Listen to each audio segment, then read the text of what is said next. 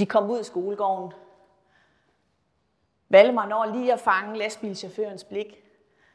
Da fra lastbilchaufføren han lige drejer sin lastbil ud og kører væk fra Sankt Anne. De ser en gruppe drenge, der står hen ved en bænk. Og Madsen råber, hvad er det for en bænk? Og de tre drenge, der står hen ved bænken, de kigger lige op. Og Emil svarer, altså, det er jo ikke bare en bænk. Det er rent faktisk et byrumsmøbel. Vi har helt selv været med til at designe det. Vi har været med valgholdet inde øh, ved Bryghuspladsen, øh, derinde ved Arkitekturcentret. Øhm, og, og vi har lavet det sammen med alle mulige andre valgfagselever, der har det her håndværk og design. Og øhm, vi har faktisk været med helt fra starten. Vi fik sådan nogle små øh, klodser. Jeg tror, det var målestoksforhold 1,20, og så kunne vi lægge dem, og på den måde fik vi idéer til de her byrumsmøbler.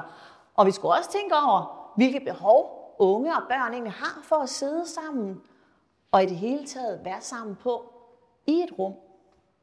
Det er også derfor, den har den her form. Den er trekantet. Det er jo for netop, at børn kan sidde over for hinanden og snakke. Man kan sidde forskellige grupper på den. Og den er god nok.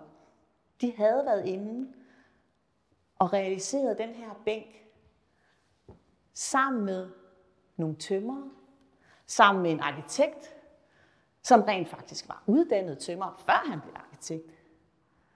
Og det her møde har virkelig gjort indtryk på valgfagseleverne.